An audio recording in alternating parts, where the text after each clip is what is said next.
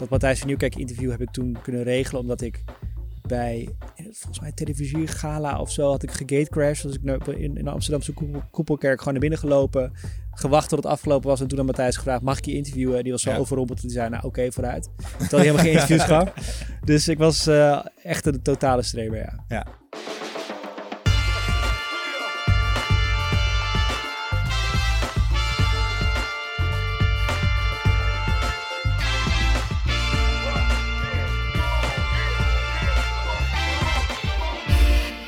Goedemorgen, goedemiddag, goedenavond of wanneer je dit ook luistert, welkom bij aflevering 87 van The Brief. En het is een, eh, een speciale om een aantal redenen, namelijk eh, de eerste keer dat we niet in onze eigen studio opnemen.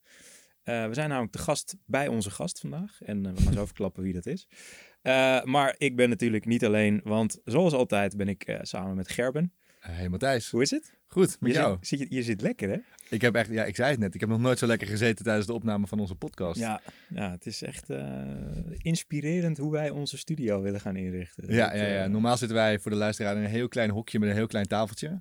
En eh, we zitten nu in een soort van eh, huiskamersetting in een luxe fathuis, eh Ja. achterover geleund, eh, ja, te wachten op een goed gesprek. ja, precies. En dat goede gesprek, dat, ja, dat gaat er komen, denk dat denk ik. wel. Ja. Want we zijn vandaag, kleine spoiler denk ik, de gast bij de correspondent. Ja. En onze gast, die heeft daar heel veel mee te maken gehad. Maar ehm, ja, we moeten de bio altijd even langslopen, zoals die chronologisch is verlopen. Dus het verhaal begon in Alfa aan de Rijn. Ehm, begon na zijn basisschooltijd eh, aan een studie communicatiewetenschappen in Amsterdam. En in 2006 nam hij de beslissing om te starten met bloggen. Ehm, werd door deze ervaring tijdens zijn studie al eh, gelijk editor-in-chief bij The Next Web van eh, vriend van de show Boris Veldhuizen van Zanten. Ehm, studeerde af, ging toen gelijk bij NRC Next aan de slag en werd daar op zijn 24ste, als ik het goed heb, gelijk chef digital bij heel NRC. En eh, besloot in 2013 uit mijn hoofd, eh, samen met Rob Wijnberg, de correspondent, op te richten. En eh, naast al deze dingen is hij ook nog podcastmaker, boekenschrijver. ehm, en eh, ja, na negen jaar correspondent, binnenkort weer free agent. Ernst-Jan Fout. Ja, nou klopt helemaal. Nou, Ja. top. Voorwerk goed gedaan. Ja, leuk om hier te zijn. Welkom. Ja, ja, moeten wij eigenlijk zeggen. Hè? Leuk, Ja, om- dat om bij waar, jou ja. te gast te zijn. Ja, deze studio is ingericht door eh, Harold Dunning van Monkai, die hier eh, volgens mij ook bij jullie te gast is geweest. Ja, klopt. En ook een van de oprichters van de correspondent is.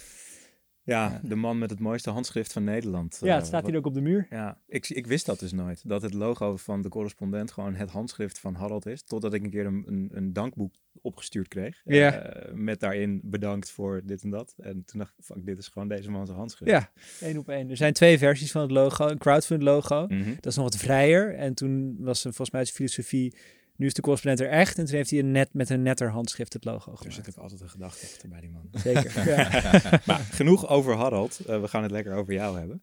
Eh, en zoals altijd hebben we een eh, lekker opwarmend vraagje. Wat is de beste content die je ooit hebt gezien of de afgelopen week? Of die, ja, die je mee wil geven aan onze luisteraars? Ja, ooit vind ik altijd heel eng. Dus ik zal, ik zal gewoon het, het, het noemen wat, wat ik onlangs heb gelezen. Wat heel erg indruk op me heeft gemaakt. Ik heb het ook al aan twee mensen cadeau gedaan. Eh, een boek van Oliver Burkeman. Het is een ehm, eh, journalist uit de UK die in New York woont. En hij heeft uh, lang een column voor The Guardian geschreven over zelfhulp, maar dan een beetje vanuit de wetenschappelijke, filosofische blik. En hij heeft nu een boek geschreven waar, waarbij hij eigenlijk zegt, alles wat ik daarover geschreven heb, over die race naar productiviteit, dat was allemaal een soort heilloze race. Want ik ging er altijd vanuit dat ik, als ik maar efficiënt genoeg werd in mijn leven, dat ik alles gedaan kon krijgen. En hij is eigenlijk tot het inzicht gekomen dat je dat, ja, die dat je eigenlijk FOMO moet omarmen. Dat je ervan uit moet gaan dat je niet alles gedaan kan krijgen in je leven. En daar uh, genoegen mee moet nemen. En daar eigenlijk je voldoening in vinden. Dat boek heet 4000 Weeks, omdat als je 80 wordt, leef je 4000 weken. En uh, gaat eigenlijk over hoe je je kan verhouden tot, tot de eindigheid in je leven. En het is, het is heel uh, inspirerend boek. Het is met heel veel humor geschreven. Dit klinkt heel zwaar, zoals ik het nu zeg. Maar als je het leest, is het echt... Ik vond het echt een lekkere, lekkere opfrisser van wat er belangrijk is in het leven. Maar jij staat ook wel voor, voor mensen die POM niet luisteren, bekend als iemand die uh, ja, ja, optimaliseert graag. En, en ja. processen en, en dat soort dingen. Doet het dan niet een beetje... Word je, word je niet van je, van je geloof afgeduwd door zo'n boek? Nou, ik heb, heb wel hetzelfde ongemak als hij eh, heeft. Ik heb, ik heb ook één zelfhulpboek uitgebracht, waar, eh, het dankboek. En het gaat eigenlijk ook een beetje daarover dat ehm, ik de hele tijd bezig was met mezelf verbeteren. En op een gegeven moment afvroeg waarom eigenlijk. Ehm, en eh, dus in die zin, ik geloof nog steeds in het optimaliseren van dingen. Ik bedoel, gewoon om, om bijvoorbeeld dingen gedaan te krijgen die je belangrijk vindt, helpt het als je een lekker systeempje hebt. Mhm. Maar ik zie het niet, ik zie het als middel en niet als einddoel. En ik, ik heb fases in mijn leven gehad waar ik productiviteit en optimalisatie als einddoel zag in Mhm. plaats van een middel. Ja. Ja. 4000 Weeks van Oliver Burkeman. Ja. Top. Zetten we in de show notes. Ehm, dus alles wat je in deze show hoort, eh, zetten we in de show notes. Eh, ga daar naartoe. Linkje, alles staat er netjes bij. Ehm, Gerben, Ja. wat tip jij? Ja, het is een beetje cheesy om dat misschien in deze aflevering te tippen. Maar ik ben dus eh, de afgelopen dagen ver, ja, verzeild geraakt in een podcast van eh, David van Rijbroek. Eh, Ernst kent hem sowieso. Voor de correspondent, lekker. Voor, voor de correspondent. Dus, gratis, gratis promotie krijg je. Eh, de podcast Revolutie is ook als in boekvorm uitgebracht. Gaat over de geschiedenis van, van Indonesië, Nederlands-Indië. maar dan ook echt van, ja, tot aan, van 500 jaar terug tot aan nu. Ik heb, eh, om eerlijk te zijn, pas de eerste aflevering echt helemaal geluisterd. Want het is 100 minuten per aflevering ongeveer. Mhm. Maar ik, ja, ik heb eh, elk vrij momentje dat ik had, heb ik hem opgezet. Want ik vond het echt intrigerend om hem te horen vertellen over een geschiedenis die ik nog niet kende.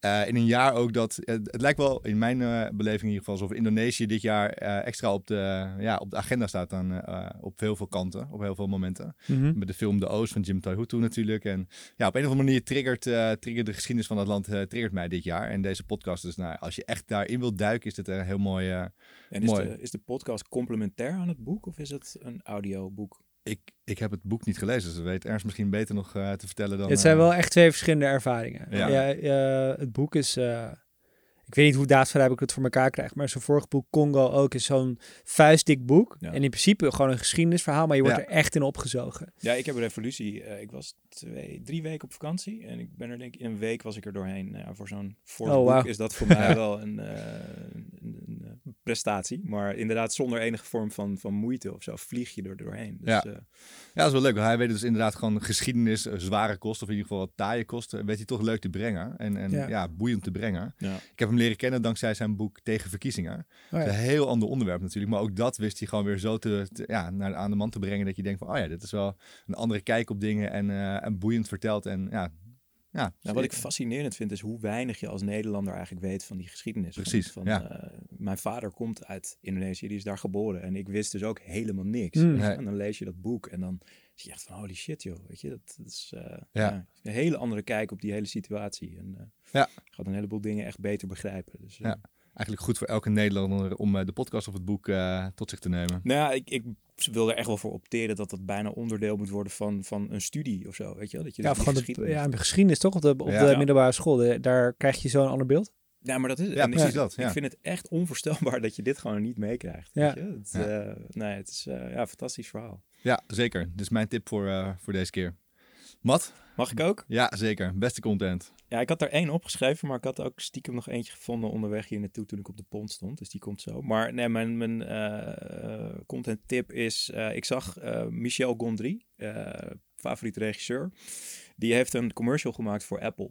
Cool. met een iPhone 13. En voor iedereen die Michel Gondry niet kent, het is ja, een van de meest creatieve regisseurs die ik ken. Ehm, ja, heel erg mooie cameratechnieken, maar ook gewoon een soort van bijna kinderlijke fantasie die hij heeft. Dus, dus ja, props zijn soms gewoon letterlijk van karton. En ehm, ja, dat doet hij echt super tof. Eh, je kent hem misschien wel van de films eh, Eternal Sunshine of The Spotless Mind. Of eh, ja, mijn favoriete film The Science of Sleep. Be Kind Rewind is ook van hem. Dat wist ik eigenlijk niet eens. Maar, maar gewoon echt een soort van hele gekke, gekke invalshoek. En nu gaat hij dus met een iPhone 13 aan de slag. En maakt hij dus echt een super tof filmpje. Ehm, en vooral, die, er, er is ook een making-of zit erbij. Dus Mhm. kijk eerst de commercial zelf en dan de making-of. En dan krijg je een soort van inkijkje in hoe hij dus werkt. En dat geeft je zo'n mooie, mooie blik op, eh, ja, hoe simpel creativiteit kan zijn. Dat je echt niet miljoenen budgetten nodig hebt om Nee. iets vets te maken. Maar dat je dus met een iPhone en eh, ja, een beetje creativiteit en een paar eieren, kleine spoiler, hele, toffe, hele toffe dingen kan maken. Ben benieuwd. eh, Cool, ja. ja. We gaan hem kijken. Nee, en het, ding wat ik vanochtend te binnen schoot, en dat leek me wel een leuke, leuke omgeving om dat te bespreken. Ik las dus dat eh, Netflix en Spotify zijn gaan samenwerken. Dus dat las ik in de adformatie. Dus er zijn Ja. nu op Spotify eh, speciale Netflix-domeintjes. Waar je dus eh, bijvoorbeeld muziek en allerlei specials van eh La Casa de Papel en, en dat soort dingen eh, terug kan vinden. En toen dacht ik in één keer, shit, is dit de eerste stap naar iets heel groots? Namelijk dat Spotify en eh, Netflix in één bedrijf. Een merger. Ja. Aha. En toen had ik in één keer zoiets van, shit, het is eigenlijk super logisch als dit zou gebeuren, denk ik. Ja, Ja. goed punt. ja. Ja. inderdaad. Ja, en het is ook, ik vind het ook heel logisch. Dit, deze stap vind ik ook heel logisch. Want je hebt altijd als je in een serie zit die je heel vet vindt, dat je daarna nog Ja, even in die wereld wil blijven. precies. Die playlist luistert en... eh, Ja, Ja, en, en toen dacht ik ineens van deze twee bedrijven, die, ja, die komen op een gegeven moment op een punt dat ze volgens mij wel moeten. Ja. Weet je, Amazon maakt content omdat ze willen dat je tandpasta bij ze koopt. En Apple die wil dat je een telefoon of een computer bij ze koopt. Maar deze twee hebben die hardware niet of die, die extra propositie.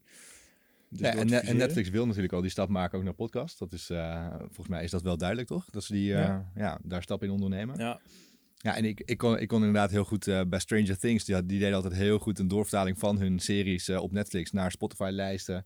Gewoon puur per karakter samengesteld, waar weer allemaal gamification omheen gebouwd was. Dus ja, die, die twee die, die werken wel lekker samen, ja. ja. ja. mooi. Ja, Ik luister, als ik iets moet gaan schrijven, een of ander document of zo, en ik moet me focussen, luister ik altijd op repeat de soundtrack van Succession. Oh Werkt ja? ook heel goed. Ja. Ik ga er voor Calm, zo'n soort van piano eh, playlistje. Oh ja. Werkt ook altijd. Alright. Alright. Eh nou ja, in case it happens, je, heard it- je, je hebt dit hier al eerst gehoord. Eh, Netflix, Spotify. Eh, gaan we door naar het interview. Maar niet voordat we hebben gezegd, nogmaals, alles wat je hier hoort, eh, de show notes eh, staan op eh thebrief.nl. Dat is onze website. Wat we ook leuk vinden is als je een reviewtje achterlaat op Apple. En luister je nou via een andere podcast app, dan kan je ook gewoon een mailtje sturen naar hello at thebrief en daar iets van je laten horen. Ehm, dat vinden we leuk en gezellig en dan krijg je altijd een antwoordje terug. That being said, gaan we nu door naar het interview. Zijn we weer terug bij het interview. Eh, Ernst, eh, jij bent een tijdje geleden begonnen met een nieuw eh, format. Jonge jaren, podcast format. Supermooi format. Ehm, gaat zeker luisteren voor iedereen die het nog niet gedaan heeft. Maar het leek ons wel leuk om, ja, om te beginnen met een soort kleine jonge jaren over jou. Oké. Dus ga lekker zitten. nee, we wilden eigenlijk even terug naar de essentie van, van, ja, van jou. Je staat bekend als, als een mediadier, weet je. Je bent al lang onder, on- onderweg in de wereld van media en eh, alles wat daar omheen eh, leeft. Hoe is dat zo gekomen? Als je terugdenkt aan, aan ja, je jonge jaren, van wanneer begon dat naar boven te borrelen? Nou, mijn vader is journalist.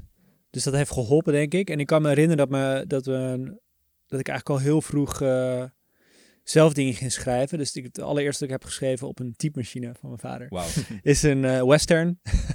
Oh, echt? Gewoon Meteen, een heel verhaal. Ja, ja, volgens mij. Ik denk dat het zes bla- bladzijden was of zo. Maar ik was in die tijd in de ban van uh, Winnetou en Old Shatterhand. Ik weet niet Ah, of je dit wat zegt, maar Ja. oude westerns die in een boekenkast bij ons stonden. Dus die heb ik dat zelf geschreven. En later heb ik, eh, ging ik eh, kranten maken. Toen zat ik volgens mij in groep 7 of 8 of zo. En dan eh, stuur, gaf ik dat mee aan mijn vader, dat hij dat op zijn werk kon uitdelen. Dus ik was altijd wel bezig met dingen maken. En in mijn middelbare schooltijd kwam, kwam het internet in mijn leven. Eh, eerst nog met zo'n eh 128k modem, dat ik zo met zo'n katrolletje over de overloop in mijn ouderlijk huis de stiekem de telefoonkabel eruit moest halen en het internet erin Ja. moest stoppen. Dat deed ik altijd als mijn ouders bezoek hadden. Want hadden ze niet door dat ze onbereikbaar waren. Ja, En, eh, slim. Ja.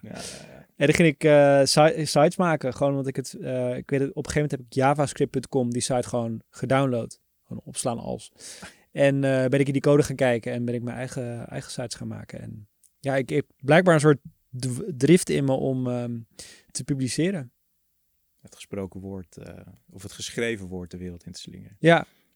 Ja, En, en ehm, nee, je zei al dat, dat je vader is journalist en jij koos niet voor de studie journalistiek, maar voor communicatiewetenschappen. Dus wat, wat was de motivatie daar? Ja, ik had eh, zo tegen het einde van de middelbare schooltijd niet per se de wens om journalist te worden. eh, ik, communicatie leek me ook interessant. Ik wist eigenlijk niet heel goed wat ik wilde, maar eh, ik wist dat ik in Amsterdam wilde studeren. Ik wist dat ik in het hart van, hart van Amsterdam wilde studeren, dus dat werd dan de UvA. Ehm, en daarna ging ik gewoon die lijst door. Dacht ik, nou, dit is een brede opleiding die me wel, die wel wat raakvlakken met mijn interesse heeft. Dus toen heb, heb, ik daarvoor gekozen. En achteraf uh, hele goede keuze geweest. Je zei trouwens in de intro dat ik afgestudeerd ben. Dat, is niet waar. Ik heb Oh. mijn bachelor. We hebben wel mijn bachelor, maar geen master. Nou, mooi dat je die nog even... Toch even corrigeren, Ja. want eh, ik wilde geen niet de credits nemen voor een master die ik niet heb. Maar ik heb bijvoorbeeld mijn vrouw daar ontmoet. Die heeft al een master. Daar wrijft ze me vaak in. En, ehm, en goede vrienden. Ik ben daar begonnen met bloggen en zo. Dus ik heb er heel veel aan gehad. Formatieve periode. Ja, en de studie die kwam er gratis bij. ja. Ja. En in die tijd, tegen wie keek je toen op? Zeg maar, wie, wie was je grote voorbeeld? In, eh, Toen ik studeerde, eh goede vraag. Ehm, nou, op, op tv vond ik eh, Matthijs van Nieuwkerk keek ik toen al tegenop. Die heb ik toen ook nog kunnen interviewen voor mijn studentenblog. Ik vond Dirk Sauer vond ik heel interessant. Als Mhm. eh, een Mhm. mediaondernemer. Toen nog, nee, nu nog steeds, maar toen had hij eh, nog independent media in Rusland. Eh, hij is nu nog steeds ondernemer in Rusland, maar niet meer met dat bedrijf. Dat heeft hij verkocht.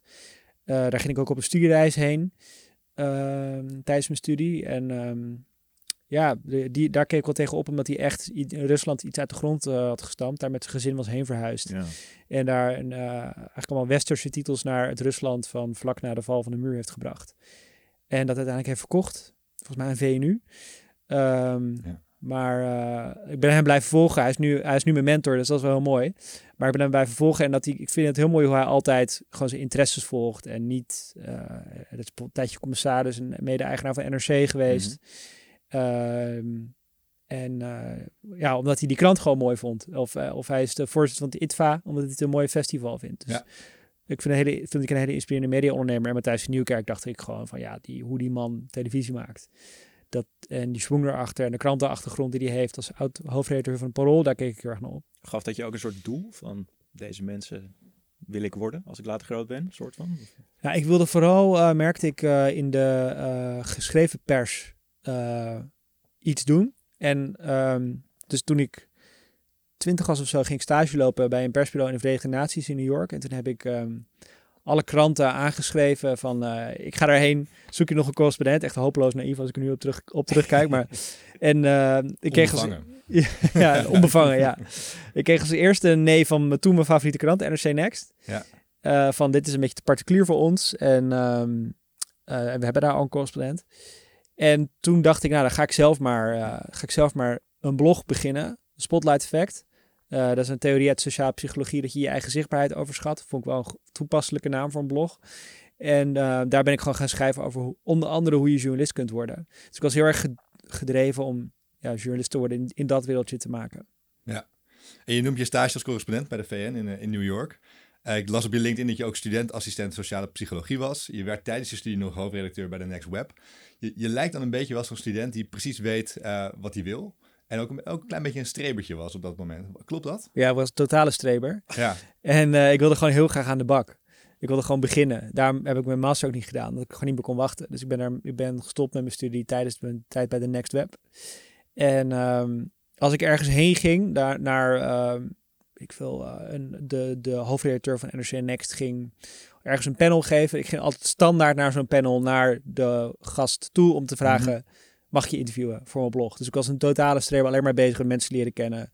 Dat Matthijs van Nieuwkerk interview heb ik toen kunnen regelen, omdat ik bij eh, volgens mij televisie gala of zo had ik gegatecrashed. Dus ik in, in de Amsterdamse koepel- koepelkerk gewoon naar binnen gelopen, gewacht tot het afgelopen was en toen aan Matthijs gevraagd, mag ik je interviewen? Die was zo Ja. overrompeld dat hij zei, nou oké, vooruit. Terwijl hij helemaal geen interviews gaf. Dus ik was eh, echt een totale streber, ja. En in die tijd, je, je noemde het net ook, kwam je ook in aanraking met, eh, met bloggen. Wat, wat, wat sprak je daar zo in aan? Nou, het was dus een beetje een noodgreep omdat niemand me wilde publiceren. Dus ik dacht, dan doe ik het zelf wel. En wat me heel erg aan aansprak, is dat ik mijn eigen publicatie kon neerzetten.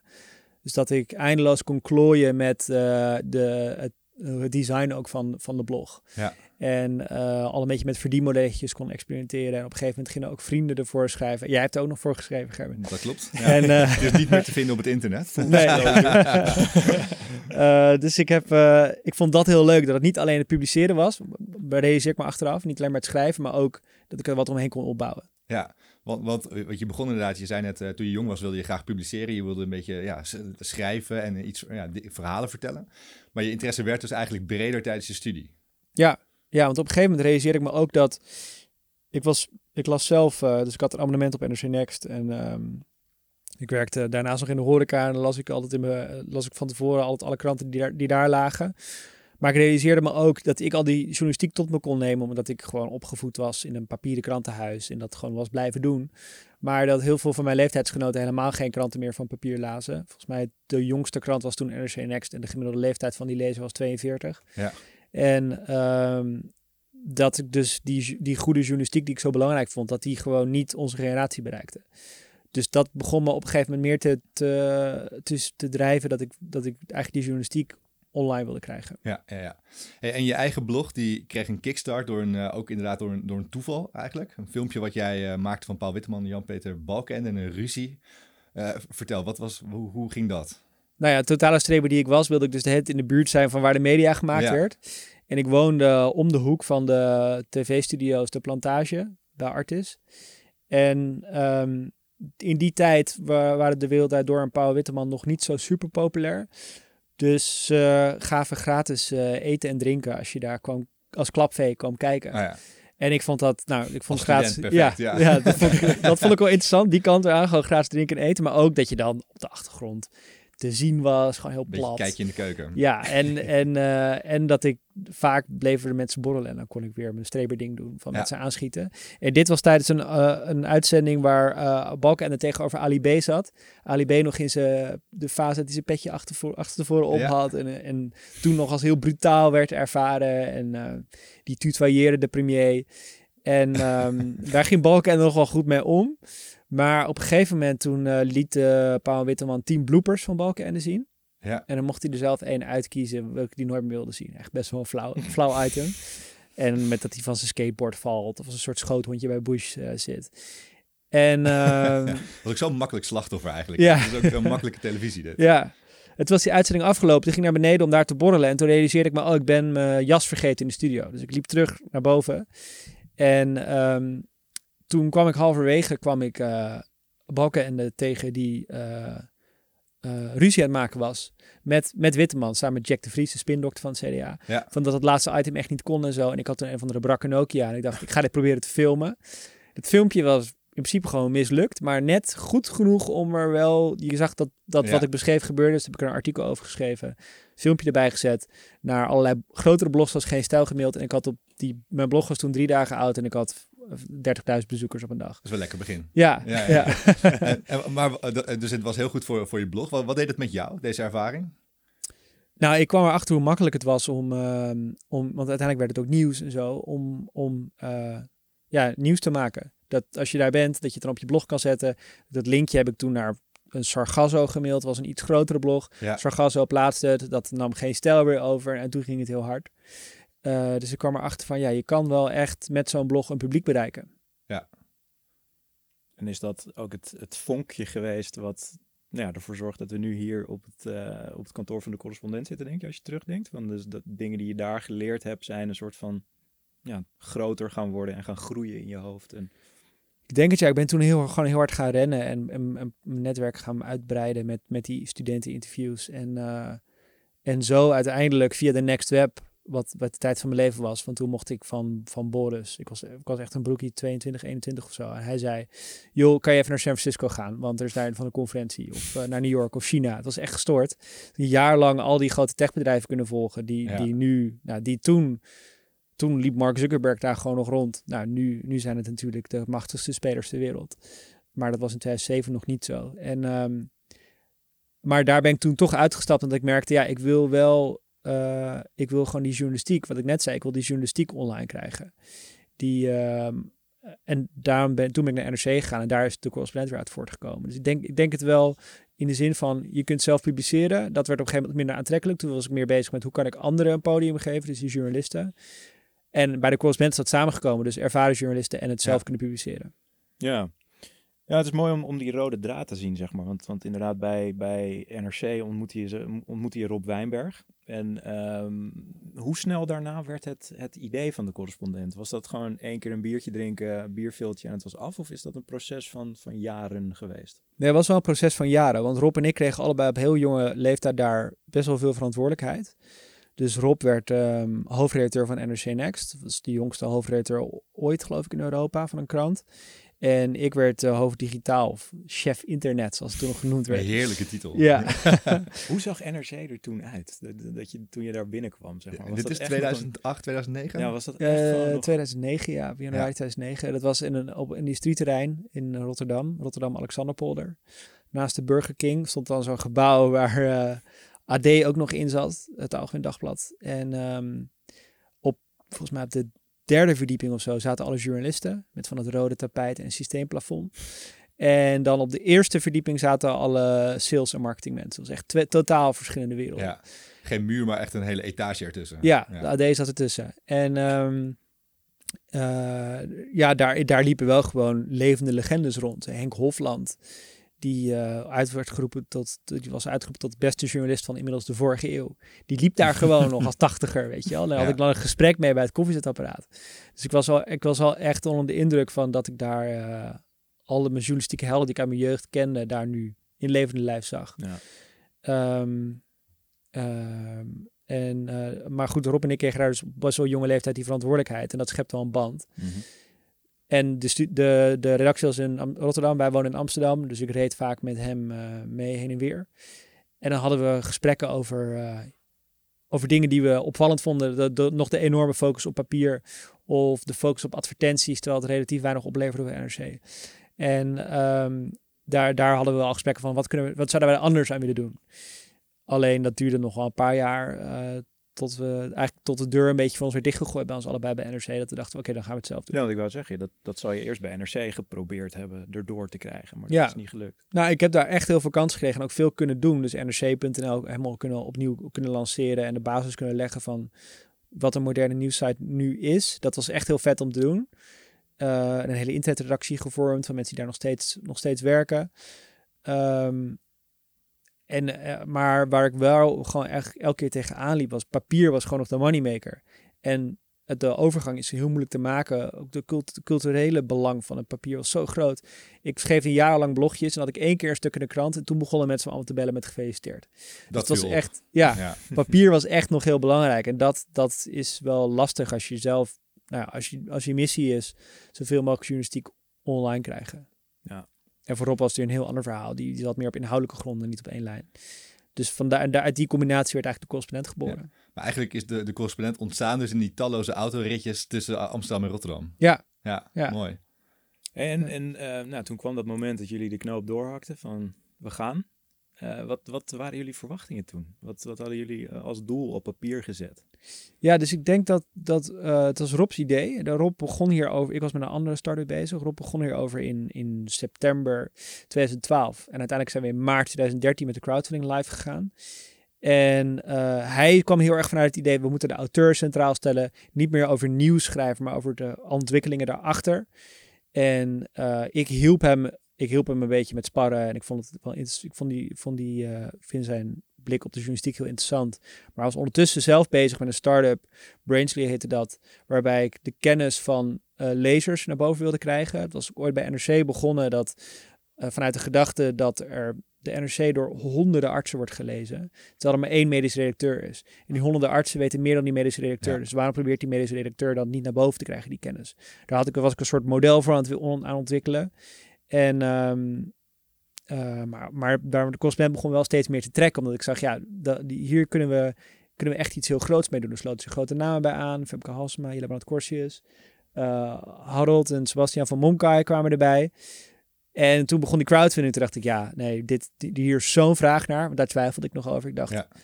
zitten mensen op deze journalistiek te wachten? En toen, wij, wij zeiden, als, je ons, als we ehm 15.000 mensen kunnen vinden die ons 60 euro geven, kunnen we beginnen. Nou, in dollars uitgerekend zat je dan ergens op 1,2 miljoen dollar. Terwijl vlak daarvoor het wereldrecord crowdfunding was verbroken met een smartwatch, de Pebble, van een miljoen dollar. Dus waarom zouden wij in? Nederland dat dan voor elkaar krijgen? Ja, En eh, utopisch eh, het idee toen. ja, maar het ging super snel. En dat is echt helemaal credits naar, naar Rob en Harold dat ze er zo in geloofden. En toen dat, toen dat door het dak ging, zei ik, oké, heb ik tegen mijn compagnons bij het andere bedrijf gezegd, dit is zo'n moment, die, deze kans wil ik grijpen. En ben ik, eh, ben ik mee gaan doen. Maar die visie is in de correspondent eigenlijk ook heel groot geworden. Dus je hebt die start-ups niet in elkaar geduwd. Uh, Nee, die start was heel erg een technologische benadering. En, uh, en dit, dit, de, de correspondent was meer, ging meer over de community. Dus ik heb wel dat hele idee daar, daar kwijt kunnen, maar daar had ik de, de tech stack van mijn vorige bedrijf niet voor nodig. Ja.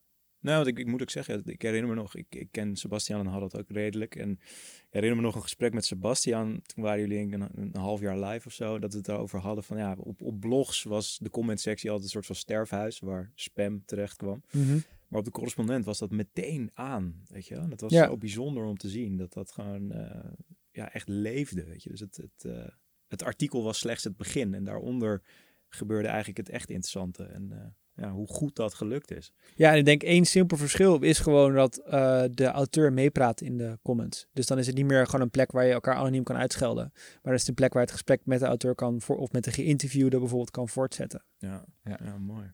Hey, als je nu terugkijkt naar de dromen en de verwachtingen die jullie toen hadden, los van het, uh, het laten slagen van de crowdfunding. Wat is er, wat is er uitgekomen van, van die dromen? Nou, al mijn journalistieke dromen zijn er uitgekomen eigenlijk. nou, eentje niet, maar uh, verder allemaal. welke niet? Nou, dat we een Engelstalige versie willen lanceren. Dat is, dat ja. we hebben het gelanceerd, maar dat is, hebben we niet gered in het coronajaar. Uh, maar verder zijn al mijn journalistieke dromen uitgekomen.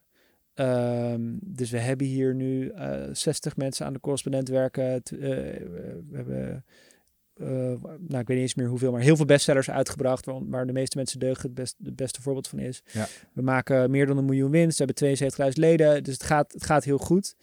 En um, daarom ga ik ook weg nu, ik heb zoiets van, dit is allemaal gelukt. De één ding is niet gelukt, dat hebben we geprobeerd. En ik wil, ik wil iets nieuws gaan proberen. Ja, en al, dat hele spectrum van succes, zeg maar, waar, waar ben je dan het meeste trots op? Um, ik denk toch op de, ja, de, de groep mensen die we hier hebben. Zowel de, zowel de journalisten en de, en de medewerkers als de leden die het dus mogelijk maken. Want die, die betalen dus nu 70 euro per jaar. En de meesten doen dat omdat ze willen dat het er is. Je kan, als je wil, kan je de hele correspondent gratis lezen. Ja. Dus ze betalen niet, niet alleen voor toegang. Ze betalen echt voor dit moet er zijn. En, um, en dat ook via de boeken we zo'n breed publiek bereiken. Met, met zo'n klein clubje mensen, daar, daar ben ik wel heel trots op. Ja. Maar waren de boeken in het begin ook al meteen onderdeel van het plan? Of is dat iets wat er later is bijgekomen? Ja, is later bijgekomen. Dus Rutger Brechtman die uh, schreef, die ging meteen, die was uh, columnist bij de Volkskrant. Rob zag wat in hem. Dus die kwam, was bij de eerste lichting uh, correspondenten en die ging me echt meteen door het dak. Ja. Die schreef een aantal stukken over uh, basisinkomen, over open grenzen. En um, nou, het ontplofte gewoon meteen. Ja, dat weet ik nog wel, ja. Ja, dat was echt... Uh, bij hem is het, bij Rutger is het een, een soort stijgende lijn al, al sinds 2013. Dus af en toe vergeet ik hoe, hoe die in het begin ook al werd ontvangen. Hoe spectaculair dat al was. Ja. Um, maar goed, hij blijft zichzelf overtreffen. Dus dat, dat vergeet je af en toe. Maar um, uh, en toen na een half jaar had hij alle stukken geschreven die hij wilde schrijven. Toen zei hij, nou, dit eerste, um, het eerste staat. Ik wil eigenlijk hier een boek van maken. En hij had al een uitgever. Uh, waar hij ook zijn vorige boek had geschreven. En toen, ik, we zaten in, ik weet nog waar we zaten, in Schiller aan het Rembrandtplein in Amsterdam. En uh, met, met, uh, met Rob en mij. En toen zeiden we van, maar dat kunnen we toch ook zelf doen? We hebben al een breed publiek die ja. het boek wil afnemen. Een boek uitgeven is niet zo moeilijk meer. In Nederland is het heel centraal gericht via het Centraal Boekhuis. Dus laten we het gewoon proberen. En dat werd gratis geld voor iedereen. Het ging al, dat ging al vrij goed. Het was wel echt hangen en wurgen. En Rutger was zijn eigen PR-medewerker. En het was, ik, Ah, ja, ja. ik was drukproeven heen en weer aan het sturen. en zo. Echt Tot- ondernemen. Ja, totdat onze redactieassistent uh, Milou Klein-Lankhorst zei... volgens mij kan ik dit beter. Nou, en zij is nu uh, al een paar jaar de uitgever van de, van de boeken, boekenuitgeverij. Maar het is dus zo een beetje spontaan ontstaan. En nu is het de helft van onze omzet. Ja, cool. En als je dan kijkt naar het, het product van de correspondent, jullie zijn vooral be- bekend dus inderdaad van, van de lange artikelen, van, uh, van podcasts, uh, van boeken zoals die van Rutger Bregman. Uh, het co consumeren van jullie content kost best wel tijd voor, Ja. de, voor de lezer. En ik hoor dan ook vaak, best wel vaak om mij heen van ja, ik vind de correspondent fantastisch, maar ik kom er niet aan toe. Ja. hebben jullie nooit overwogen om jullie content ook te vertalen naar meer korte formats en, en korte vormen, zoals uh, meer doen op social media, wellicht videoformats uit te proberen? Hebben we wel geprobeerd.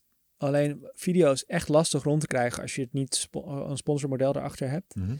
En de hoge standaarden hebben die, die, die, we, die we eraan stellen. Uh, dus we hebben dat wel een aantal keer gedaan. Het ging dan ook heel erg viraal, maar was niet... Dat, dat, willen we, dat is vanuit journalistiek oogpunt super interessant, want er heel veel mensen mee bereiken. Maar zakelijk ja. gewoon echt moeilijk rond te krijgen. Um, en audio is wel, bedoel, dat zijn onze podcasten nog steeds lang, maar je kunt audio combineren met een andere activiteit. Dus we hebben nu evenveel luisteraars als lezers. Ja. En we merken dat mensen daardoor nu dat meer, ons, meer onze journalistiek onderdeel van hun leven kunnen maken. Um, en qua experimenten met andere mediavormen hebben we nu vorig jaar een stichting opgericht, de Correspondent Foundation om uh, nieuwe experimenten te kunnen uitvoeren die we zakelijk niet rondkrijgen, maar we, waar, we, waar we wel andere doelgroepen mee kunnen bereiken. Ja, zoals de deepfake video die net is uitgebracht. Ja, die is door de, door de stichting mogelijk gemaakt. En zo komen er nog een paar dingen aan. Ja. Uh, en daar kunnen we bijvoorbeeld wel met partners werken die, uh, die, die TikTok helemaal begrijpen. En dan kunnen wij onze journalistiek geven zeggen, doe er maar wat mee. Ja. Daar, daar ben ik wel benieuwd wat eruit komt. Waar, waarom doe je dat in een stichting? Zeg maar? Waarom doe je dat niet gewoon vanuit het redactionele apparaat? Wat is de gedachte daarachter? Nou, dat we het zakelijk niet rond kunnen krijgen, omdat wij dat, het, het, haakt niet, het haakt niet in op het ledenmodel. Mm En we, willen, we hebben geen advertenties, dus we kunnen het niet op die manier mogelijk maken.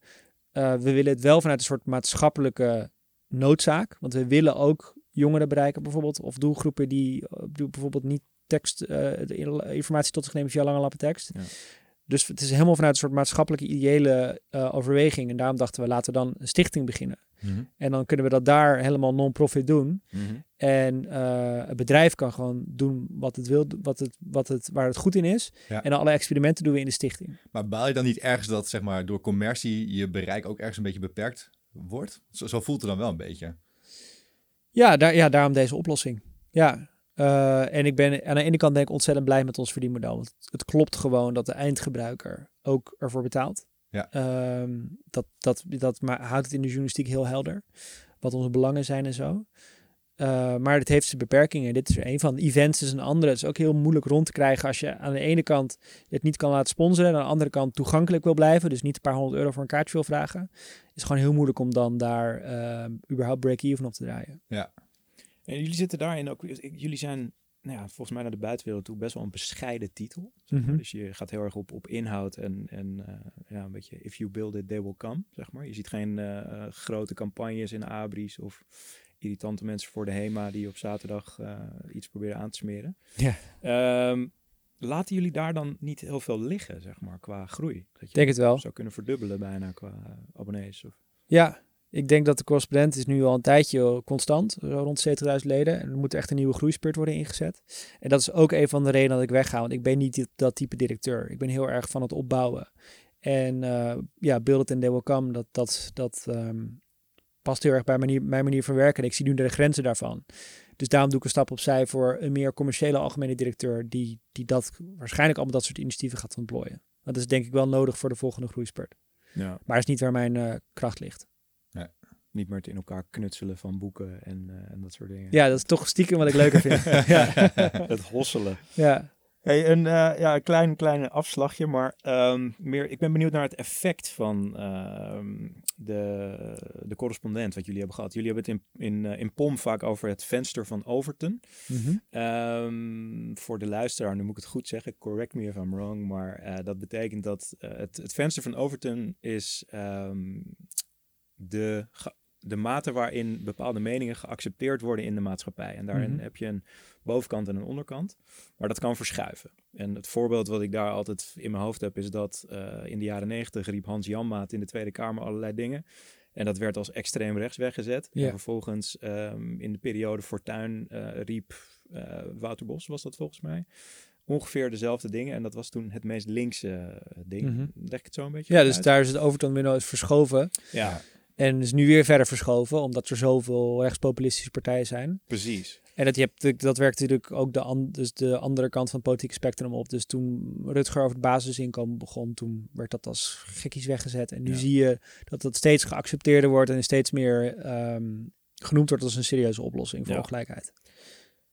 Los van de politiek, zie je dit effect ook wat de correspondent heeft gehad in de wereld van, van uh, media? Dus, dus dat uh, andere kranten ook zijn opgeschoven door jullie? Ik denk wel dat kranten meer zijn opgeschoven richting transparantie en richting hun lezer. Dus op een gegeven wij, wij hebben eigenlijk vanaf jaar één dat we, aan het, dat we inzicht geven in waar ons geld heen gaat en waar het vandaan komt. Mhm. En uh, hoe we het redactioneel gedaan hebben. Een soort jaarverslag.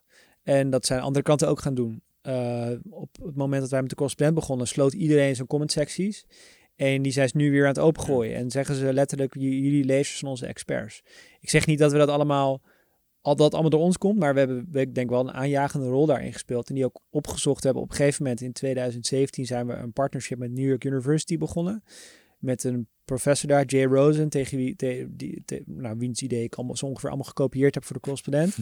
over dat je je publiek kunt betrekken en dat ze meer weten dan jij. En um, uh, hij, um, hij, hij vond de correspondent heel interessant. En toen hebben we besloten samen de Membership Puzzle Project op te richten. Waarbij we die lessen die we hebben getrokken uit ledenjournalistiek uh, wereldwijd kunnen delen. Dus zij stuurden hier onderzoekers naartoe, die kwamen ons helemaal interviewen, keken naar onze data's en ook bij andere media gaan kijken die dat ook uh, goed doen. En uiteindelijk hebben ze daar nu, uh, is het project afgerond, hebben ze een handboek uitgebracht met beste praktijken over ledenjournalistiek. En ja, ze hebben zelfs een tijdje met uh, financiële steun van Piero Mediar, de oprichter van eBay, mm -hmm. hebben ze ook funds kunnen uitkeren aan kranten en tijdschriften die wilden gaan experimenteren met de meerleden gedreven journalistiek. Dus we hebben dat wel echt opgezocht om dat, dat venster te verschuiven ja, als het op ja. journalistiek aankomt. Dicht, meer in de richting van laat de lezer je bron van, uh, ja, je, je bron van kennis zijn en ook je bron van, van omzet. Ja, ik, je... ja, ik wilde net zeggen inderdaad, want volgens mij is bij jullie ook wel een beetje begonnen dat betalen voor content online, dat het, jullie lieten zien dat het mogelijk was. En langzaam maar zeker lijkt dat wel steeds meer overgenomen te worden door, de, door nieuwsmedia, maar door, eigenlijk door, door allerlei uh, media, ook door podcast, uh, bij wijze van spreken. Ja, ja. Ja, en ik kon, ik, ik kon nooit uitleggen. Ik, ik, ik, voordat ik bij de correspondent uh, aan de slag ging, schreef columns bij, voor NRC over media. En af en toe betoogde ik dan dat, dat kranten een paywall moesten beginnen, maar dat het tegelijkertijd toegankelijkheid wel heel belangrijk was. Dus dat ze dan een soort leaky paywall moesten maken. En ik kon dat niet, merkte altijd dat ik dat niet kon beargumenteren met. Uh, nou ja, met, met bewijs. Bewijs, ja. ja. Altijd een soort intuïtie bijna. Ja. En um, en dat is met, uh, met de correspondent is dat gebleken dat het dus waar is. Ja. Dat mensen bereid zijn te betalen. Ook al gaat het niet alleen maar om toegang. Ja, precies. Hey, je noemde net al uh, um, uh, avontuur in Amerika, de correspondent. Ja. Um, ik denk dat ik mag zeggen dat het misschien wel een van de dingen is waar je van baalt. Wat ja, van de afgelopen negen ja. jaar. en dat dat niet gelukt is. Hoe kijk je daar nu op dat avontuur terug? Uh, ja, een humbling experience, om het meteen maar in het Engels te zeggen. Um, we hadden het net over naïviteit of onbevangenheid. En dat was altijd wat Rob en mij dreef. Daar zonder die houding, als Rob niet zo onbevangen had gezegd... we gaan gewoon 15.000 mensen vragen om 60 euro te geven... had de correspondent niet bestaan. Terwijl nee. alle signalen stonden op rood dat dat niet zou gebeuren. Ik kon het niet eens beargumenteren in mijn columns waarom het zou gebeuren. Um, en dat zijn we altijd blijven doen...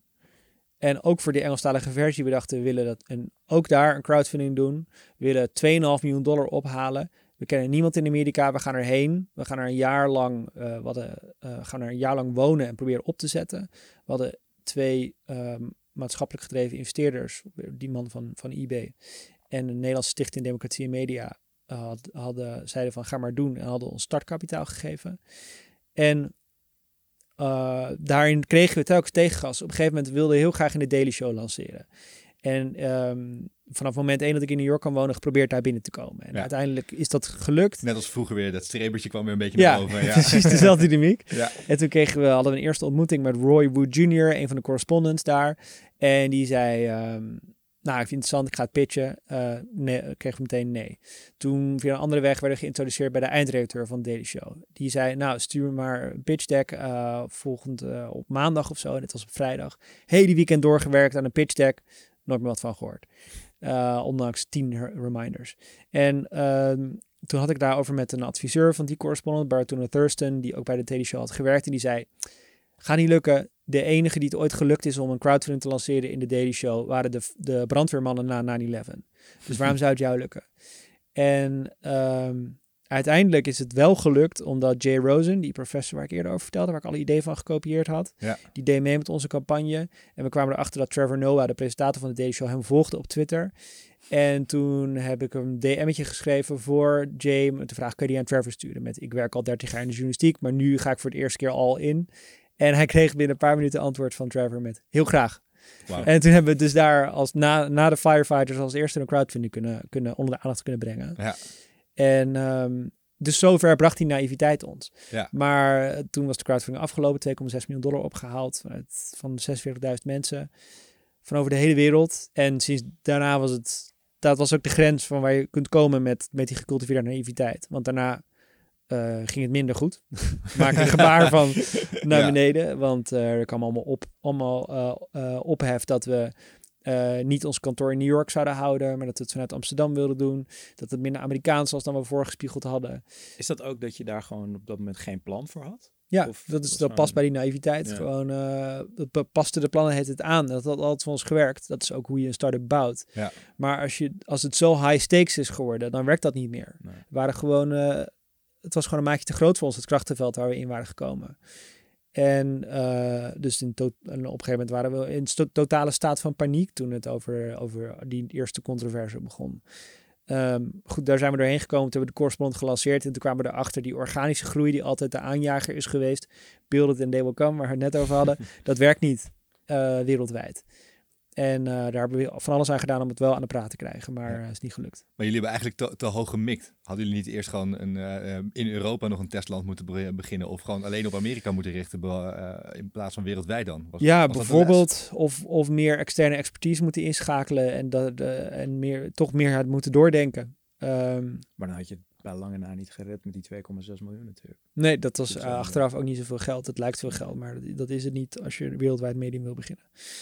Ehm, dus, dus nee, dat was gewoon niet, eh, achteraf gezegd, niet goed genoeg doordacht. Nee. En in die zin is een zeer nederige ervaring. En, eh, en de dag dat ik moest vertellen aan elf collega's dat ze hun baan kwijtraakten, was, dat was de moeilijkste dag in mijn carrière. Eh, Ja. Nog steeds, ja. Ja, ja, ik kan me voorstellen, ja. En wa- wat zijn dan de belangrijkste lessen die je gewoon als mens hieruit hebt gehaald? Eh, eerder om hulp vragen. Ik heb dit heel veel geëvalueerd met het team, dus vandaar dat ik hier zo snel antwoord kan geven. Echt eerder om hulp vragen. Ja. Ehm, en eh, dat er grenzen aan die naïviteit zitten. Dat op een bepaald punt je echt eh, dingen moet gaan uitzoeken. En als het dan niet werkt, dat je daar, dat je daar bij stil bij staat, evalueert voordat je de, de koers aanpast. En dat, dat er dus grenzen aan die organische groei zitten. Dat je dus daar, daar, dat is ook, dus ook een van de redenen dat ik wegga. Dat ik weet, nou, nu moet de correspondent een ander soort leiderschap krijgen. Dat veel meer gaat over, over geplande groei. Een meer commerciële man noem je, noem je het net. Ja, Ja, vrouw. Ja. man, vrouw. Dat Ja. maakt- Dat maakt inderdaad helemaal niet uit. Nee. Ja. Ehm, Oké, cool. Ehm, je bent zelf naast eh, ja, negen jaar actief voor de, voor de correspondent. Ben je ook, eh, ja, iedereen kent je wel denk ik ook als fanatiek maker ook van podcast. Eh, je doet eh, de podcast over media, of POM inmiddels. Met Alexander Klupping. Hoe, hoe gaat het met POM? Ja, we doen heel erg ons best om het niet uit, deze hobby niet verder uit de hand te laten lopen, maar het gaat niet goed. Eh, we gaan nu, nee, want we hebben nu ook bijvoorbeeld een redactie met fulltime redacteur, Bianca Schrijver. En ehm, dus dat, het, we vinden het allebei heel erg leuk. Het groeit ook hard en, ehm, en we halen er heel veel inhoudelijke voldoening uit. Maar tegelijkertijd willen we allebei niet dat dit ons volgende bedrijf wordt dat we samen doen naar waar al onze tijd heen gaat. Want de vriendschap is belangrijker. En als je samen afhankelijk bent van, van het inkomen uit zo'n bedrijf en al die verantwoordelijkheden krijgt, heb ik gemerkt dat je toch andere dynamieken krijgt. En dat, dat wil ik niet met, in, met, de- met deze vriendschap. En Rob, eh, Alexander ook niet. Dat is grappig dat ik Rob zei. Freudiaans spreken. en, eh, Wij knippen niks, dus dit ook niet. Wat Alexander daarvan vindt. ja. en eh, dus dat. ehm, dus daarom, daarom probeer ik het altijd een beetje in toom te houden. We nemen één dag per week op. Ik denk dat we er nu twee dagen, eh, nu als ik weg bij de correspondent, twee dagen per week aan gaan werken, zoiets. En, ehm, maar het gaat heel goed. Ja, er luisteren heel veel mensen. We hebben er zelf heel veel plezier in. En het is gewoon zo'n leuke proeftuin. Überhaupt podcast nog als genre. Nou, daar zit natuurlijk ook weer dat, dat pielen in, zeg maar. Gewoon het een beetje spelen. En eh, jullie zijn natuurlijk gewoon begonnen met het te maken. En nu is er een verdienmodel waarvan jullie eigenlijk ook niet zo goed wisten hoe goed het zou werken. Nou, volgens mij werkt dat ook boven verwachting goed. Met vriend van de show. Ja. ja. En eh, ja, inmiddels ook eh, giveaways en eh, allemaal dat soort eh, gekkigheid. Dus Ja. daar wordt ook flink gezocht en gespeeld gewoon. Dus het, Ja. is dat weer die speeltuin die je miste? Of- Ja, en daar, nu zeggen we echt van, het moet ook die speeltuin blijven. Dus die Ja. giveaways, dat werkt niet echt bijvoorbeeld. Ik Gaan wil we zeggen, dat, stoppen. dat heb je Alexander gegund. ja, nee, dat, de, de, de foute Fordo clubbing, zoals die noemen, die gaat stoppen. Ik vind zijn stemomslag wel echt bizar. Ja, ik ook. ja, ja. Maar eh, jammer, dat gaat dus stoppen. Wil je nog wat winnen, dan moet je, moet je nu gaan meedoen. Ja, volgens mij gaan we nog eh, iets van zeven. Er komen nog zeven afleveringen, dan, dan stoppen we ermee. en, eh, de prijzen werden wel steeds groter. hoor. Ja. Vakantie hoorde ik voorbij komen. En Ja. eh, alles precies onder die grens van de, de, de winstspelbelasting, volgens mij. De kansspelbelasting. klopt, maar het Ja. converteert voor geen meter. Oké. Nee. Maar ja, nu we het over conversie hebben, zeg maar, wat, wat, wat heb je daar geleerd? Want podcast is natuurlijk weer het nieuwe medium wat iedereen wil, maar wat nog niemand begrijpt. Een beetje internet in, in jouw early days. Ik heb het gevoel Ja. dat we daar nu met podcast zitten. Dus het begint daar al iets te schemeren van eh, hoe het werkt. Ja, ik dacht bij, bij, bij, dus bij podcasts, we hebben eerst hebben we gewoon natuurlijk, we hebben advertenties daar, de host rads, toch al- altijd enigszins ongemakkelijk, maar we, we doen het wel. En eh, toen op een gegeven moment, toen kwam dag en nacht de uitgeverij waar we bij, het netwerk waar we bij zitten, kwam met eh, een vriend van de show, dat je dus kan betalen voor, voor, vriendschap, voor een betaalde vriendschap met ons. En daar in het begin hebben we dat gewoon gelanceerd. En gezegd, eh, geef wat je wil. En nou, dat ik denk dat 500 mensen dat deden op, op iets van 150.000 luisteraars. Dus niet, niet heel veel. En daar werkte dus niet wat bij de correspondent wel werkt. Dat ze zeggen, als je het belangrijk vindt dat het er is, geef dan. Dan ga je betalen, ja. Ja, wat wel heel goed werkt, is dus, con- is dus contentmaker die we daarna achter het muurtje gooien. En dus dat je, we doen EMA's met onze luisteraars. En die kan je alleen maar luisteren als je vriend van de show bent. En sinds we dat soort dingen doen, ehm, gaat het door het dak. Dus daar merken we dat is weer heel anders dan hier bij de correspondent. Dat je dus wel dingen exclusief houdt. Ja. Het heeft ook niet zo'n maatschappelijke waarde als onze journalistiek. Dus dan is het, voelt het ook beter om het gewoon achter een muurtje te Ja. houden. Maar hoeveel vrienden hebben jullie nu? Eh, volgens mij gaan we nu richting de 1800. En het kost nu 49 euro per jaar. Maar de meeste mensen betalen nog het oude tarief, 36 euro per jaar. Ja. Dus dat is best, dat is best oké. Daar, kunnen we, daar kunnen we volgens mij bijna een, een eh, FTE van betalen. ja. Ehm En op hoeveel luisteraars? 150.000. 150.000 nog Ja. eens, ja. Dus het kan nog beter. Ja. Maar het is ook wel, het is kijk, 49, euro- 49 euro per jaar, terwijl de correspondent kost 70 euro per jaar. Dat is best wel, eh, best wel veel geld. Ja. En, eh, maar mensen betalen het omdat ze gewoon die extra aflevering willen horen. Ja, bizar hoe dat dan werkt. Zeg maar dat dat daar dus ook gewoon opgaat. En eh, ik vind het ook wel leuk met podcasts dat het gewoon nog niet af is. Weet je, dat, dat eh, wat je zegt, host rads natuurlijk ook, of gewoon advertising, dat blijft denk ik zeker in Nederland erg lastig. Ja, daar willen we ook wel iets anders mee gaan doen, want we vinden het nu een beetje saai. We willen dan, weet ik veel, eh, misschien interviews gaan afnemen of zo. Sponsored interviews. ja, maar dan heel kort. 30 seconden of zo. Heel even bellen met de CEO, zoiets. Eh, we hebben het wel nu nodig eh, als, we, als we het een beetje draaiende willen houden. Ja. Maar er moeten, er moeten leukere dingen te bedenken zijn, ja. Ja, het blijft zoeken naar die schaal in, in de wereld van, van podcasts, heb ik het Ja. idee. Dat zeker in Nederland is gewoon, ja, de luistercijfers, jullie met 150.000 zijn waarschijnlijk eh, een van de groteren in, eh, in Nederland. Nou, volgens mij heb je nog één klasse erboven qua luisteraars. En dat is een beetje de, de chatcast van, van, van eh, twee BN'ers over hun normale leven. Dus je hebt zelfs Dat is een podcast. format op zich inderdaad. Ah ja, Aaf en... eh, en hoe zijn jij en. Alexander anders daar? Nou, wij praten niet over ons seksleven, dat soort Ah, dingen. Ja, ik denk als we dat gaan doen, dan gaan we meteen door het dak. Nee, Misschien moet je die keer achter het muurtje gooien dan. eh. ja, nee, en NRC en, en dat soort NRC, NRC vandaag, Vandaag, die, ja. eh, die zijn natuurlijk wel echt heel, eh, heel groot. Ja. ja. Hey, en ehm, ja, hoe zien jullie, zoals jullie doen dan via Vriend van de Show, maar we hadden het net al even kort over, over Spotify en, en nou ja, wellicht Spotify en Netflix, Spotflix eh, over een paar jaar. Mhm. Uh, maar Apple, ehm, dat sluiten jullie nu eigenlijk uit, toch? Om, om op die trein mee te liften. Ja, het wordt natuurlijk gewoon een, to- een totale oorlog waar, waar met bij welk netwerk je of bij welke eh, ja, hoe noem je dat, distributeur je uiteindelijk gaat aansluiten.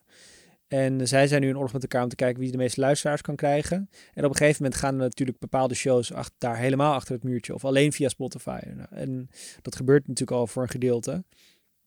En nu als, als, als onafhankelijke podcastmaker kan je nog eh, overal te beluisteren zijn en overal je eigen advertenties verkopen. Maar ik vrees dat er op een gegeven moment een soort reckoning gaat komen. Dat je, dat je moet gaan kiezen, ook als maker. Dat het moeilijker wordt om die markt in te treden. Ja. Zoals het eh, ook met Web 2 2.0 is gegaan ehm, eh, hiervoor met, met niet-vorm van audio. Dus dat is wel, wel spannend. Ehm, daarom proberen we nu zoveel mogelijk vrienden ons te binden. Zoveel mogelijk onafhankelijk te blijven. Maar ik ben wel benieuwd waar het heen gaat. Je, ziet volgens mij dat individuele audio-apps nog niet zo heel goed werken van een NRC of van, van de correspondent. Ik bedoel, ze werken goed voor het publiek dat betaalt. Een soort surf naar leden, maar het is Mhm. niet... Als we alleen maar daar onze audio op zouden zetten, zouden we ontzettend in luisteraantal achteruit gaan. Ja, Dus, ja en het eh, past ook wat jij zegt. Weet je. Het is inderdaad gewoon het, het, ja, die gated communities. Dat, dat staat haaks op hoe het medium groot is geworden natuurlijk. Ja. En, ja, alleen partijen als Apple en, en Spotify kunnen dat afdwingen omdat ze gewoon zo groot zijn. Maar als je dat als kleine speler een hekje om jouw hele kleine tuintje gaat zetten, dan ja, dat gaat natuurlijk nooit werken. Ja, dus ik ben wel heel benieuwd waar, eh, zoals bijna alle uitgevers afhankelijk zijn geworden van een bereik krijgen via sociale kanalen op een gegeven moment of via Google. Ben ik heel benieuwd waar dat heen gaat voor podcast. Eh, want nu is het nog een free-for-all. Maar je, je ziet wel, je ziet wel dat, dat dat gaat eindigen op een gegeven moment. Heb je al een idee wie dat gaat winnen? Een soort van een... eh, Wie hoop je? Wie hoop, ja, ik hoop dat het open internet wint, maar ik maak me geen illusies. Eh, ik denk dat, ik, de, ik, ja, ik vind dat, dat Spotify heeft nu volgens mij wel een voorsprong. Die, die, die gaan heel goed. Apple heeft het heel lang laten liggen. En nog steeds is dat er geen goede ervaring. En, en eh, als ik naar onze luistercijfers kijk, we hebben natuurlijk best wel een nerdy publiek, maar ook daar zie je Spotify groeien. En ik weet bij meer bij publiekspodcasts, dus die BNR-podcast waar ik het eerder over had, dat bijna alleen maar Spotify is. Ja. Dus zij liggen in Nederland in ieder geval wel voor. Wat denk jij, Ger? Wat ik denk. Nou, ik, wat ik wel interessant vind is dat ook YouTube steeds meer een rol gaat spelen hierin. Omdat ook steeds meer podcasts ook gewoon met video worden opgenomen. Wij doen dat vandaag nog niet. Ehm, Mhm. Maar ik ben ook wel benieuwd hoe, dat, eh, hoe, hoe, ja, hoe die ontwikkeling zich voortzet. Want wij hebben ook wel eens eh podcasts gemaakt met, met merken. eh, die het meeste bereik vervolgens via hun YouTube-kanaal eh, wisten te realiseren. Oh ja. Dus dat is ook nog een, ja, een, een, een speler en een flank die je niet moet uitvlakken. Denk Ja, ik. Dat is waar. Ja, ik, ik sprak laatst iemand die eh, inderdaad alleen maar podcast luistert via YouTube. Ja. Die heeft niet eens beeld erbij, maar die luistert er, eh, omdat Ja, dat precies, gewoon ja. zijn, zijn to-go-to plek is. De Ja, media voor alles. player. Ja. Ik denk dat we nog een jaar of eh, drie tot vijf moeten wachten om te weten wie hier echt gewonnen heeft. Maar het is wel interessant om dit te blijven volgen. Ja. ja. Ja, niet zo laf, joh. Zeg nou gewoon wie je denkt dat er gaat En wie denk jij dan? Nee, jij. Ik vroeg het. Ja, ik, ik denk dat Apple... eh, ik, ik, Spotify doet het supergoed nu, maar Apple is, ehm, heeft de infrastructuur. Dus Apple heeft gewoon, weet ik veel, hoeveel miljoen, miljard iPhones op de wereld. En, en dat is denk ik gewoon wat Apple zo'n ontzettend krachtige speler maakt, waar uiteindelijk een Spotify ook niet tegenop zou kunnen. En Ja, maar Spotify is dan weer gewoon device en, en fabrikant onafhankelijk.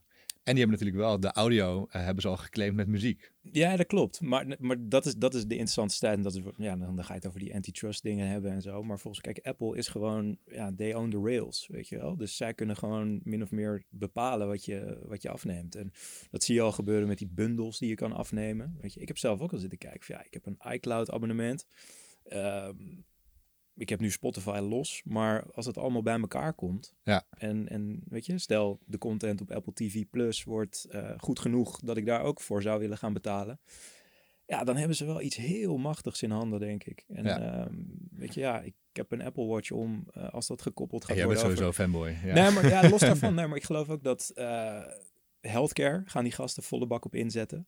Dus er gaat gewoon gebundeld worden. En dan heeft een bedrijf als Ja. Spotify, ehm, ja, heeft, krijgt echt het nakijken. Maar zowel, zowel Apple als Spotify, de, de, de podcast-ervaring is nog niet af. Want een vriend van de show bijvoorbeeld, als je dan het, eh, de content achter het muurtje wil luisteren, dan moet je eigenhandig volgens mij een RSS Ja, gaan toevoegen. ja, ja, je, dus als dat het verdienmodel gaat worden voor podcastmakers, dan moet Apple de, de app en de ervaring ook wel gaan doorontwikkelen, zodat dat gewoon beter een plekje krijgt in het geheel. Maar dat heeft Apple vorige week, volgens mij, of een paar weken geleden gelanceerd. Dus je kan nu binnen Apple Podcast, kan je dus je eigen abonnementsmuurtje bouwen. Oké. En volgens mij kan je zelfs kiezen tussen eh, sommige shows die je wel eh, voor de paywall en sommige erachter. Ja, Spotify is er ook mee bezig. Maar je Ja. moet dus als podcastmaker eh, de- de- voor allerlei verschillende betaalprogramma's het gaan, goed gaan eh, regelen. Ja. Distributie wordt echt, gaat echt steeds meer tijd innemen, gewoon gedurende de week, om dat allemaal goed te regelen. Vandaar die FTE die jullie gaan aannemen. En een dagje, en dagje extra wat je binnenkort erin kan steken. Ja. Ja. als we kijken naar ehm, naar wat je tot nu toe hebt gedaan, hè, van, van, eh, ja, van het internet en het bloggen naar de journalistiek brengen bij NRC, eh, het medialandschap veranderen met de correspondent, starten met een podcast terwijl bijna nog niemand dat deed. Eh, ja, we hebben het al een paar keer genoemd. Je bent, bent wel van het experimenteren met nieuwe vormen, nieuwe middelen, nieuwe media. Ehm, wat drijft jou om dat steeds weer te doen? Ehm, ja, ik zat hier, ik zat hier, ik zit hier, ik denk zelf nu ook over dit soort vragen na, omdat ik aan het nadenken ben, wat wil ik hierna gaan doen? Ja, Dus ik ben in een zeer contemplatieve fase, dus je, je treft me op het juiste moment. en een van de dingen die ik, eh, die ik interessant vind ehm, op, op dit moment is Web 3. Mhm. En dat is nog heel early stage, heel erg het, het is een soort nieuwe gedecentraliseerde vorm van, van, het, eh, van het internet. Dat draait op de blockchain. Ik probeer dat woord zo lang mogelijk uit te stellen, want het is meteen allemaal associaties met crypto boys en speculatieve karakter en zo. Maar wat dat Web3 belooft, is dat ehm, makers meer eraan over gaan houden. Dus we hebben het net over Spotify. Ja. Het is eigenlijk bizar dat, daar, dat er miljoenen mensen naar luisteren, dat het een miljardenbedrijf is, maar dat er maar 15.000 eh, muzikanten in, of artiesten in de wereld zijn die ervan kunnen leven. Dat is gewoon een hele rare mismatch. Ja. En Web3 belooft eigenlijk via allerlei nieuwe bouwstenen van het web, zoals NFT's of tokens en dergelijke, dat, ehm, dat makers er meer aan over gaan houden. En ehm, daar, dat interesseert me heel erg, heel erg. Ik ben daar veel over aan het lezen. En, en ik merk daarin, in, ook in de bedrijfsideeën die ik heb, die of daarover gaan. Of, of nou, die altijd, altijd, altijd ge- eh, gemeen hebben, is dat ik probeer, hoe kan ik de maker zo dicht mogelijk bij het publiek krijgen? Dat Mhm. interesseert me heel erg. Ehm, ook met, met de uitgeverij waar we het eerst over hadden van de correspondent, dat we daar eigenlijk de uitgeverij die er vroeger tussen zat weghaalden, maar ook voor een gedeelte bol.com, dat we proberen zoveel mogelijk boeken direct te verkopen aan onze leden. Mhm. Dat, dat, dat vind, is gewoon een drijfveer voor mij om ervoor te zorgen dat er zoveel mogelijk naar de maker zelf gaat. Eh, waarom vind je dat belangrijk? Omdat zij de meeste waarde toevoegen. En, ehm, en waar vroeger, vroeger was, dat, was, een, was de toegevoegde waarde van een uitgever was heel groot, of van een drukpers. Dat neemt allemaal steeds meer af. En met Web3 neemt dat nog verder af. Dan zou je op een gegeven moment niet eens meer ehm, eh, een Spotify nodig hebben om je publiek te bereiken en eraan Ja. te verdienen. En ook, en ook steeds ook geen payment provider, et cetera, meer nodig hebben.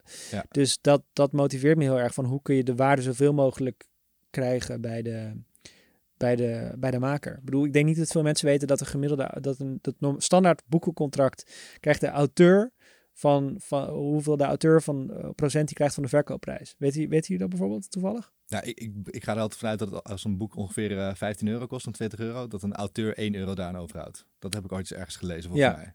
Ja, ik Ja. zat te denken aan 1% of zo. Oh, nou, jullie zijn wel heel, heel pessimistisch. Sommige mensen, als ik het men- aan mensen die niet in de media vragen, eh, of, eh, vra- eh, vraag, die zeggen dan de helft of zo. Ja. Eh, jullie zijn, eh nou, zo ergens als jullie zeggen, is nou ook weer niet. Het is Dat 10%. Dus jij zat er in de buurt, Gerrit. Ja, ja. 10% van de verkoopprijs. En, de, en dat is gewoon absurd weinig als je bedenkt hoeveel van het maakproces er bij de maker zit. Ja. Dus dat drijft me heel En daar erg. zit ook nog een heel raar verschil in Nederland ook tussen e-books en, en papieren boeken, toch? Dat is ook wetgeving. Ja, ja. daar. Bij e-books houdt de auteur er wel meer aan over 25%. Ja. Maar eh, nee, dat, dat, is, de, ja, dat, is, eh, dat is meer. Maar dat is voor de uitgeverij weer, weer niet te doen. Omdat eh, de meeste ja, mensen er minder bereid zijn voor te betalen. Ja.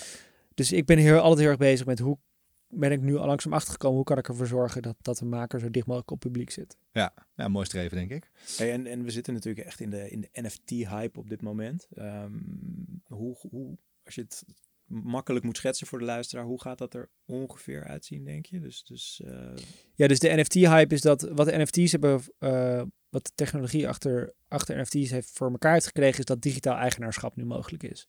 Dus ik had afgelopen week in POM hadden we een kunstenaar te gast die al 15 jaar lang werk maakt, maar altijd moest sappelen of alleen maar zijn werk kwijt kon in eh, commerciële opdrachten voor, voor, voor mooie klanten, Apple, Porsche, maar niet autonoom werk kon maken. Nee. Daar kreeg hij niks voor, want het was heel digitaal die kunst die hij maakt. Door de komst van NFT's ehm, kun je het nu kopen, kun je nu digitaal eigenaar zijn van dat werk. En heeft hij, eh, volgens mij zijn duurste werk is nu voor 88.000 dollar verkocht. Ehm, ik vind dat speculatieve karakter eraan en, en al die records die, die nu worden gebroken, dat mensen miljoenen betalen voor een, Pixel. ja, voor een CryptoPunk avatar of een Bored Ape avatar. Dat, Ja. dat denk dat daar enigszins een bubbel in zit.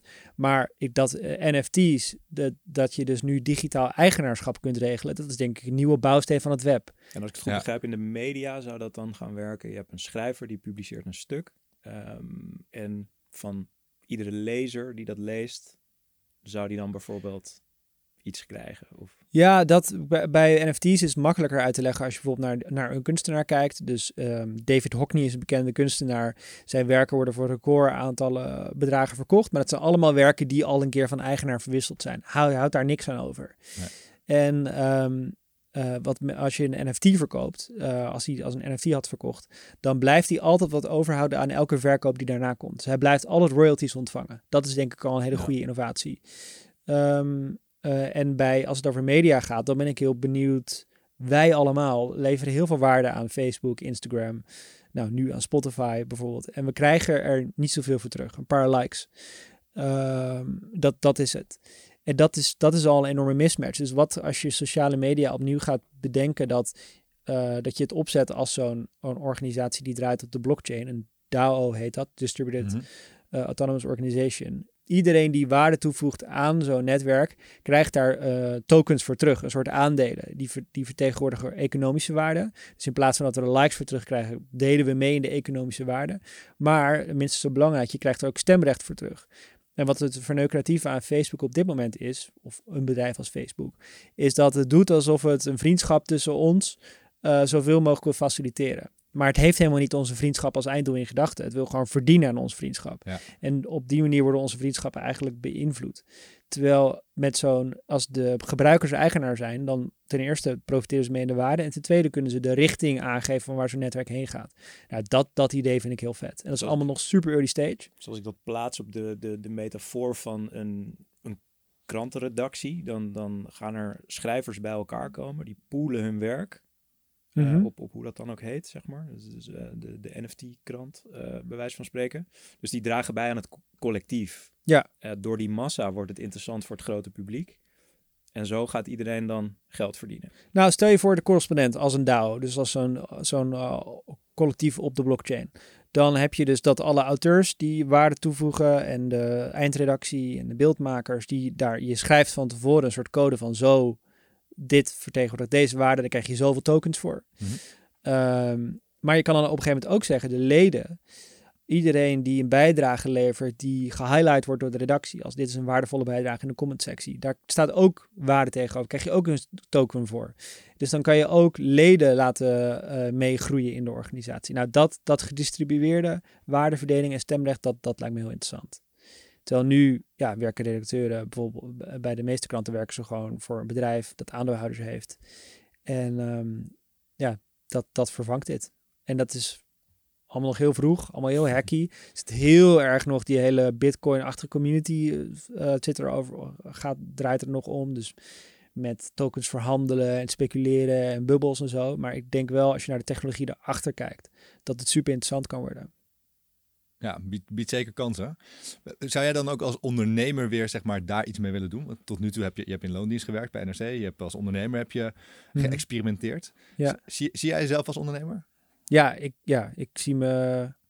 Ja, ik, ga, ik heb, wil niet meer een baan. Nee. Ik ben dus. ehm, daar kwam ik zelf ook achter nu. Nu, nu dus op de markt ben en benaderd word. dacht ik, ja, nee, ik wil gewoon echt niet meer. Ik wil eh, lekker zelf gaan experimenteren. En maar web, web 3 vind ik op dit moment, omdat het nog zo vroeg is, heel lastig. Want ik wil, ik moet wel natuurlijk gewoon geld gaan verdienen. Ja. Dus ik parkeer web 3 nu denk ik een beetje bij POM, dat ik daar gasten over spreek en, en misschien wat experimenten mee doe. En, en een, an- ik moet nu, wil nu een ander bedrijf gaan bedenken, wat meteen iets dichter op, de, op, de, de, op hoe we nu leven zitten. Ja, ja, wat meteen ook inderdaad gewoon eh, brood op de plank kan, Ja. kan brengen, om het Ja. zo maar te zeggen. Ja. Ja, ja het, eh, als ik het zo hoor, dat we begonnen thuis achter de computer, eh, website gedownload en zo heb je jezelf leren bloggen. Het, het klinkt bijna alsof je dat nu weer gaat doen. Gewoon dat, dat de cirkel bijna weer rond is. Dat je Ja, eigenlijk wel, ja. zelf weer gaat zitten pielen en, en uiteindelijk komt er een Web 3 oplossing uit en eh, heb je het weer geflikt. Ik hoop het, ja. Cool man. Eh, ja, de tijd vliegt. Ehm, volgens mij zijn we helemaal rond. Ja, ik denk jij wel. nog een prangende vraag die je... Nou, nee, nee. Ik, ben, eh, ik heb wel een goed beeld van, eh, van eh, ja, jouw blik op de, op de afgelopen negen jaar. En eh, ja, volgens mij wat je zelf hierna gaat doen, dat weet je zelf ook nog niet helemaal zeker. Nee. Dus dat, nou, we blijven, ik denk dat wij blijven volgen en onze luisteraar waarschijnlijk ook. Ik hoop persoonlijk dat het jonge jaren format dat dat een vervolg gaat krijgen. ja, ga ik sowieso een tweede seizoen van maken. Ja. Ik ben nu gast aan het uitnodigen. Je bent nu gast aan het uitnodigen. Ja. Ja. En Alexander mag nog steeds niet meedoen. Eh, nee, die gaat zijn eigen experimenten onder POM doen. Ah, kijk. Ja. kijk, kijk. Ja, nee, Alexander is een heel ontregelende interviewer. En eh, bij jonge jaren, ik denk dat ik... eh, dat dat is toch meer een soort rustig en heel erg veel de... Ja, het gaat om de... Ja, eh, daar probeer ik toch een ander soort spanningsboog te houden. En dan ehm, in POM verduurde ik zijn constante aanvallen op mij en op de gasten. Ja, ja. ja. Da daarin werkt Ik even de safe space ja. ernaast. ik ben benieuwd ook naar het experiment van, uh, van Alexander dan. Uh. Ja, zitten er wel vette dingen aan te komen. Ja. Iets met showmuziek. Iets, iets, met, iets met weggeefacties, denk ik. Alright, Ernst. Uh, thanks voor je tijd, man. Ik vond het superleuk. Ja, dankjewel. Ik hoop jij ook. Ja, zeker. En ja, ik denk dat we elkaar... Een soort therapie die het niet alleen door de stoelen, maar ook door het hard op nadenken. Ja, ja. mooi. Dat betekent dat we hopelijk als interviewer ons werk ook goed hebben gedaan. Dat uh, laten we denk ik maar aan de luisteraar om dat te beoordelen. Um, en ik denk dat we elkaar over een jaar of twee, drie maar weer eens moeten spreken om te kijken hoe het met uh, het nieuwe internet gaat. Lijkt me leuk. Ja. Cool, cool. Dankjewel. Alright, thanks. Dat was hem weer, Ger. Ja, was leuk. Fijne studio. Ja, toch? Ik wil volgende keer weer hier. Ja, misschien, kunnen we dat nog even eruit slepen zo Ja, meteen. precies. We gaan het zo uh, buiten de studio even overleggen. Um, ja, we gaan hem afsluiten. Laten we dat doen. Top. Alright. Um, nou, heb je iets gehoord in deze show? Ga dan naar uh, www.debrief.nl. Daar vind je de show notes met linkjes naar alle artikelen en uh, andere interessante dingen die we hebben besproken. Um, mocht je dat nog niet gedaan hebben, abonneer je gewoon op deze show. Dan komt die uh, in je Spotify of in Apple of welke podcastmachine je ook gebruikt om te luisteren. Je kunt ook op LinkedIn, dan moet je naar de LinkedIn van Wayne Parker Kent en dan krijg je heel snel antwoord van ons. En recensies vinden we ook leuk, dus laat het achter. Volgens mij kan dat nog steeds alleen maar bij Apple, toch? Volgens mij wel, ja. ja. Nou, Apple-luisteraars, laat wat leuks achter. Vinden we leuk. Um, de brief wordt gemaakt door Wayne Parker Kent. En uh, specifiek door uh, onze producer uh, Guido Wiegers. Hij zit er weer bij. Hij wilde op een lachbandknop drukken, deed het niet. de redactie was ook deze keer weer in handen van de bliksemsnelle Alessio Perez Rocciola. Uh, de studio was deze keer bij de correspondent. En, en die was Sorry, Wouter. Uh, ja, Wouter. volgende keer weer bij jou. En uh, zoals altijd is onze mediapartner e-mers. En daar is binnenkort ook een leuk stukje over deze podcast te lezen. En nog heel veel meer mooie dingen. Um, de volgende episode is over twee weken. Wie er dan te gast is, dat vertellen we nog even lekker niet. En um, tot die tijd wens ik jullie heel veel plezier. En tot dan. Tot dan.